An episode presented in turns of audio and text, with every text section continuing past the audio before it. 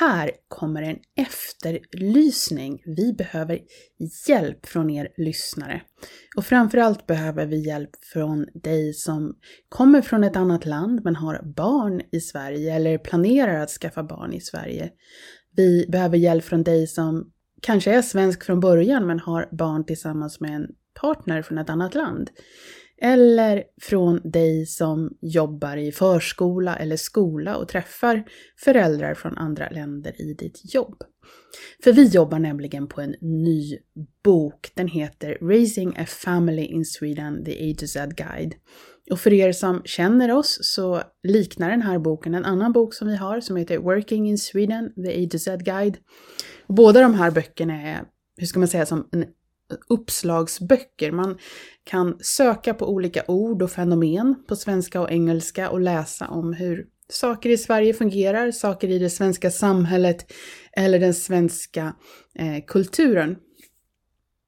Så i den här boken som alltså riktar sig till utlandsfödda föräldrar eller blivande föräldrar i Sverige så kan man till exempel läsa om det svenska utbildningssystemet och förstå hur det funkar med de olika stadierna, vad som är en friskola till exempel.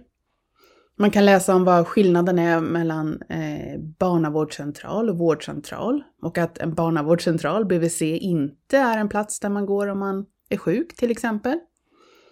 Eh, vi tar upp kulturella saker som till exempel varför svenska barn inte verkar ha särskilt mycket respekt för äldre och hur man uppfostrar svenska barn till att vara ganska självständiga och på ett tidigt stadium.